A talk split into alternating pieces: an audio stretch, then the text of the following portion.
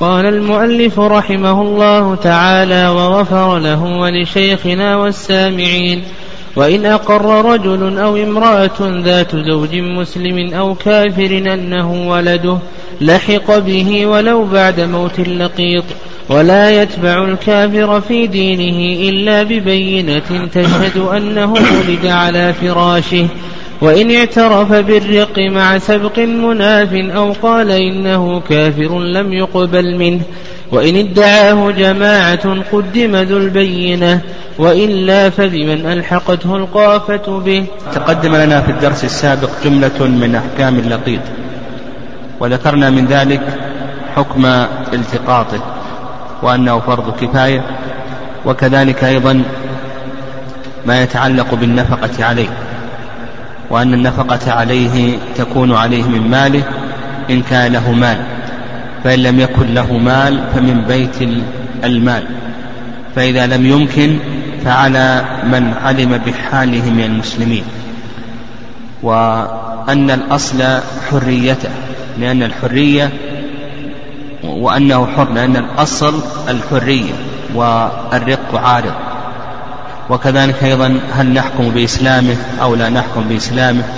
وذكرنا فيما إذا وجد في دار الإسلام أو في دار الكفر إلى آخره. ولمن تكون حضانته وأنها لواجده الأمين. وإذا قتل فميراثه وديته لمن تكون. هل يرثه ملتقطه أو أن ملتقطه لا يرثه تقدم الكلام على ذلك إلى آخره. ثم بعد ذلك قال المؤلف رحمه الله وإن قال رجل إلى آخره. وذكرنا فيما سلف ما يتعلق بجهات إثبات النسب وأن جهات إثبات النسب أربع جهات الجهة الأولى جهة الإقرار والجهة الثانية جهة البينة والجهة الثالثة جهة القافة والجهة الرابعة جهة الفراش. وسيتكلم المؤلف رحمه الله عن آه، آه، جهة الإقرار وكذلك أيضا عن جهة القافة. وسيأتينا إن شاء الله ما يتعلق بالفراش. هذا سيأتي بإذن الله عز وجل. قال المؤلف رحمه الله وإن أقر رجل أو امرأة ذات زوج مسلم أو كافر أنه ولده لحق به ولو بعد موت اللقيط الفقهاء رحمهم الله تعالى يتوسعون في قبول الإقرار بتبعية هذا اللقيط. أو الولد الذي لا يعرف نسبه وإنما توسع في ذلك احتياطا للنسب فهم يتوسعون. كما سيذكر المؤلف رحمه الله فإذا أقر رجل أو أقرت امرأة الإقرار إما أن يكون من رجل أو أن يكون من امرأة فإذا أقر رجل أن هذا اللقيط ولده. يقول لك المؤلف رحمه الله يلحق به. وهذا هو مذهب الشافعية. هذا مذهب مذهب الشافعية. أنه إذا أقر به رجل. فالمذهب كذلك أيضا مذهب الشافعية وهو كذلك أيضا مذهب الحنفية على وجه الاستحسان أنه يلحق به. لماذا؟ وإن لم يكن هناك بينة. قال هذا الولد ولدي يلحق به. لماذا؟ ها؟ احتياطا للنسل. يقولون لأن الإقرار به محض مصلحة لهذا اللقيط. لما في ذلك من اتصال نسبه. محض مصلحة له. لما في ذلك من اتصال نسبه. هذا هو الرأي الأول كما قلنا لأنه مذهب الإمام أحمد والشافعي وكذلك أيضا الحنفية استحسانا والدليل كما تقدم. والرأي الثاني الرأي الثاني أنه لا بد من البينة وهذا القياس عند الحنفية لأن القاعدة البين على المدعي واليمين على من أنكر فلا بد أن يأتي ببينة. ولأنه يدعي أمرا. جائز الوجود والعدم. يدعي أمرا جائز الوجود والعدم فلا بد من مرجح وهي البينة. وهذه المسائل الحقيقة يعني نحن لن نطيل فيها كثيرا لأن يعني وإن كان العلماء رحمهم الله طالوا في مثل هذه المسائل توسعوا فيها بعض الشيء لكن بسبب تقدم الطب اليوم. ترقي العلم أصبح ممكن معرفة. هل هذا الطفل من هذا الرجل أو ليس من هذا الرجل؟ عن طريق التحاليل والفحوصات. المهم نفهم كلام العلماء رحمهم الله. فإذا استلحقه رجل أو استلحقته امرأة فما الحكم؟ نقول إن استلحقه رجل. قال هذا الرجل هذا الولد ولدي. ها؟ فنقول المذهب مذهب الشافعية وأيضا الاستحسان عند الحنفية أنه يلحق به. لماذا؟ لأن هذا باتصال احتياطا للنسب باتصال نسب هذا اللقيط. والرأي الثاني أنه لا يلحق به لا بد من البينة بالقاعدة البينة على المدعي واليمين على من أنكر. وإذا استلحقه هذا الرجل يشترط شرطان. نعم يشترط شرطان الشرط الأول ألا يكون هناك معارض. نعم الشرط الأول أن ينفرد بدعواه. والشرط الثاني أن يمكن كونه منه. يمكن كونه منه. توفر الشرطان فإنه يلحق به. وإن لم يكن هناك بينة على المذهب. هذا إذا كان المستلحق من هو؟ رجل. إذا كان المستلحق رجلا. طيب. ال ال ال القسم الثاني أن يكون المستلحق امرأة. يعني امرأة استلحقت هذا الطفل. فأيضا المذهب أنه يلحق به قالت هذه المرأة هذا الولد ولد. فالمشهور من المذهب أنه يلحق بها. يعني يلحق به والعلة في ذلك ماذا؟ هي الاحتياط للنسب لاتصال نسب هذا الرقيق آه هذا اللقيط. والرأي الثاني أنه لا بد من البينة. نعم الرأي الثاني أنه لا بد من البينة وهذا قول أكثر أهل العلم لما تقدم من القاعدة. قاعدة البينة على المدعي واليمين على من أنكر. لكن لو ادعته هذه المرأة هل يلحق بزوجها أو لا يلحق بزوجها؟ نقول هذا فيه تفصيل. إن صدقها الزوج ألحق به قال هي صادقة ألحق به. وإن لم يصدقها قال لا هذا الولد ليس لي إلى آخره فلا يلحق به وإنما يلحق بها يعني يلحق بها. وقال المؤلف رحمه الله ذات زوج مسلم أو كافر حتى ولو كان حتى ولو كان زوجها كافرا. لماذا؟ احتياطا للنسب. سواء كان زوجها مسلما لو ادعته هذه المرأة فالمذهب أنه يلحق بهذه المرأة سواء كان زوجها مسلما أو كان زوجها كافر. قال ولو بعد موت اللقيط. وهذا مما يدلك على أنهم يتوسعون. حتى ولو مات اللقيط. حتى اللقيط مات الآن. وقال هذا الرجل هذا اللقيط ولدي أو قالت هذه المرأة هذا اللقيط ولدي يلحق به. ما دام أنه توفر الشرطان انفرد بدعواه وأمكن كونه منه فإنه يلحق به. والعلة في ذلك هو الاحتياط لنسب اللقيط لاتصال نسبه. قال ولا يتبع الكافر في دينه إلا ببينة. يعني لو أن الكافر قال هذا الولد ولدي يلحق به أو لا يلحق؟ ها؟ ظاهر كلام المؤلف ماذا؟ أنه يلحق. قال وين أقر رجل هذا يشمل المسلم والكافر. وهذا مما يدل كما تقدم أنهم يتوسعون. فيلحق حتى ولو ادعاه كافر. قال هذا الولد ولد.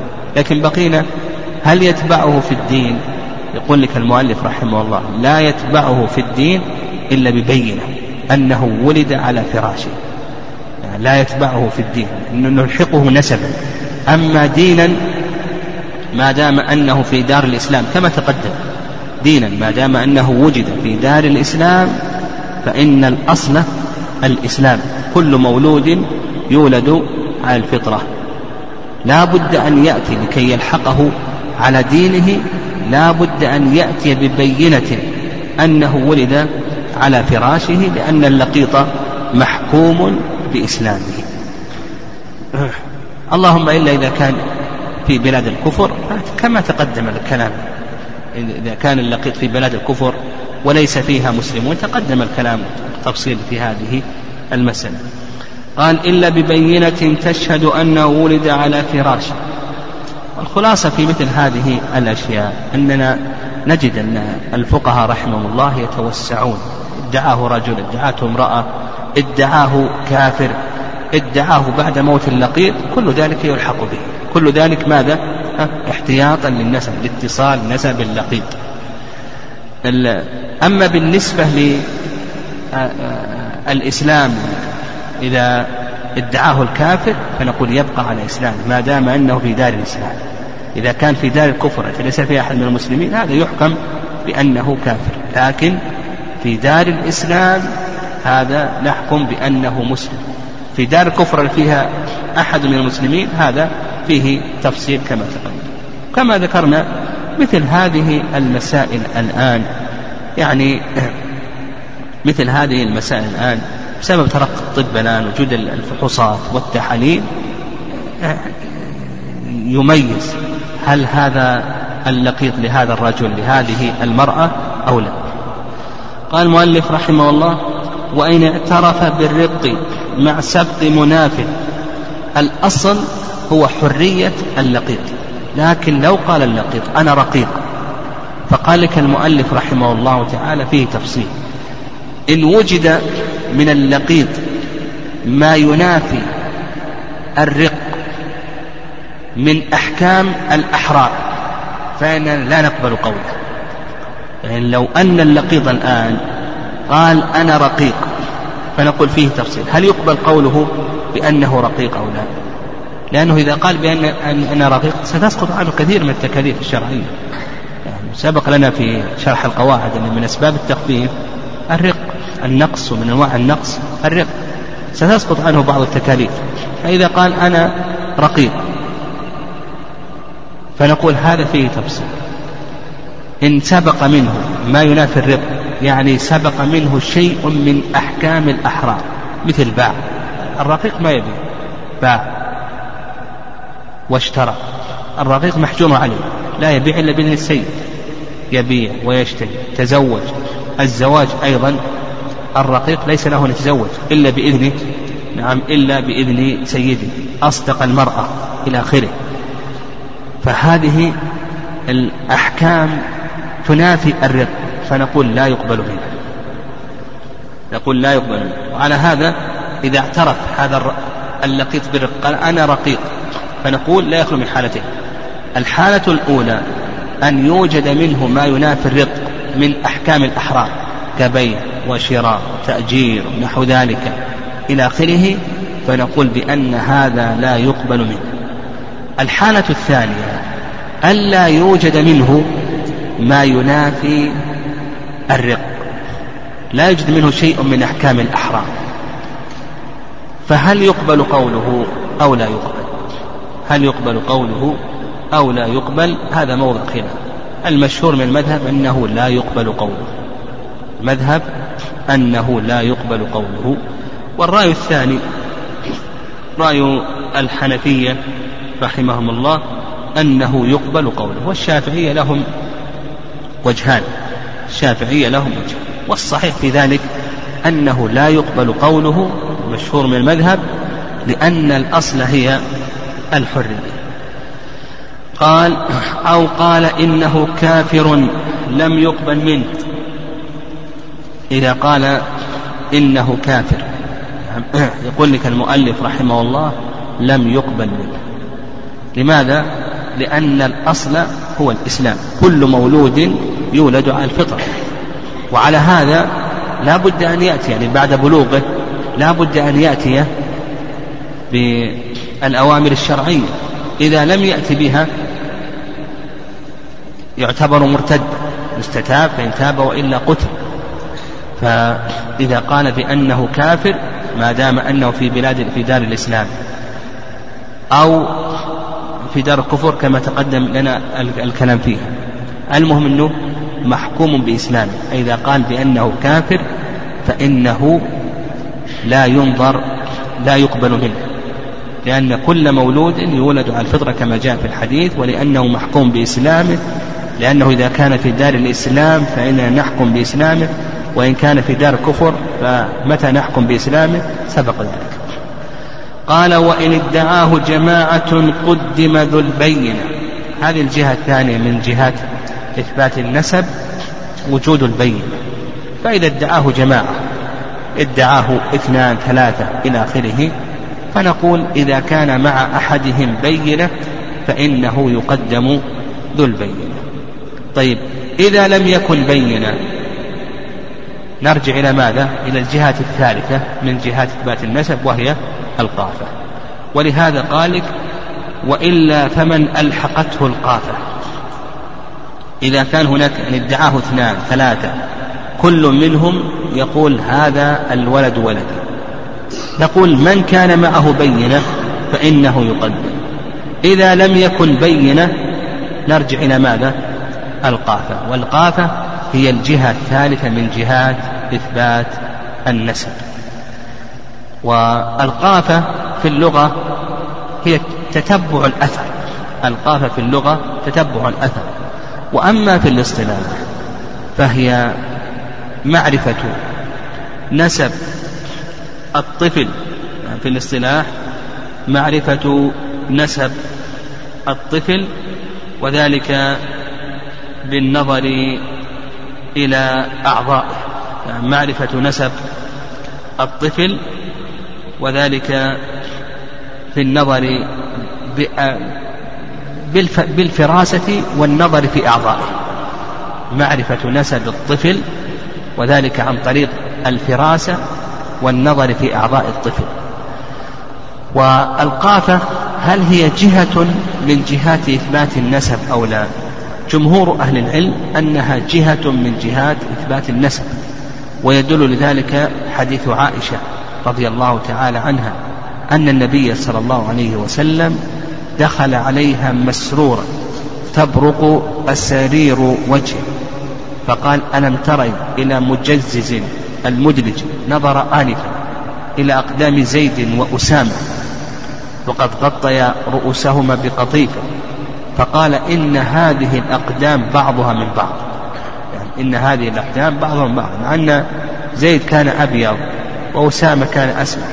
نعم كان أسمر فالنبي صلى الله عليه وسلم فرح بهذه الشهادة مما يدل على اعتبار ماذا؟ اعتبار القافة وهذا في الصحيحين. الرأي الثاني رأي الحنفية. الحنفية لا يرون اعتبار القافة يعني يقولون لأن القافة مبنية على الظن والخرص إلى آخره فلا يحصل إثبات النسب بذلك والصواب في ذلك ما ذهب إليه جمهور أهل العلم رحمهم الله وما دام أن السنة قد جاءت بالقافة فنقول ينظر إلى القافة وكذلك أيضا هم يستدلون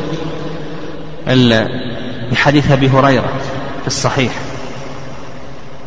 في قصة الرجل الذي جاء للنبي صلى الله عليه وسلم فقال يا رسول الله إن امرأتي ولدت غلاما أسود يعرض لامرأته فقال النبي صلى الله عليه وسلم هل لك من إبل؟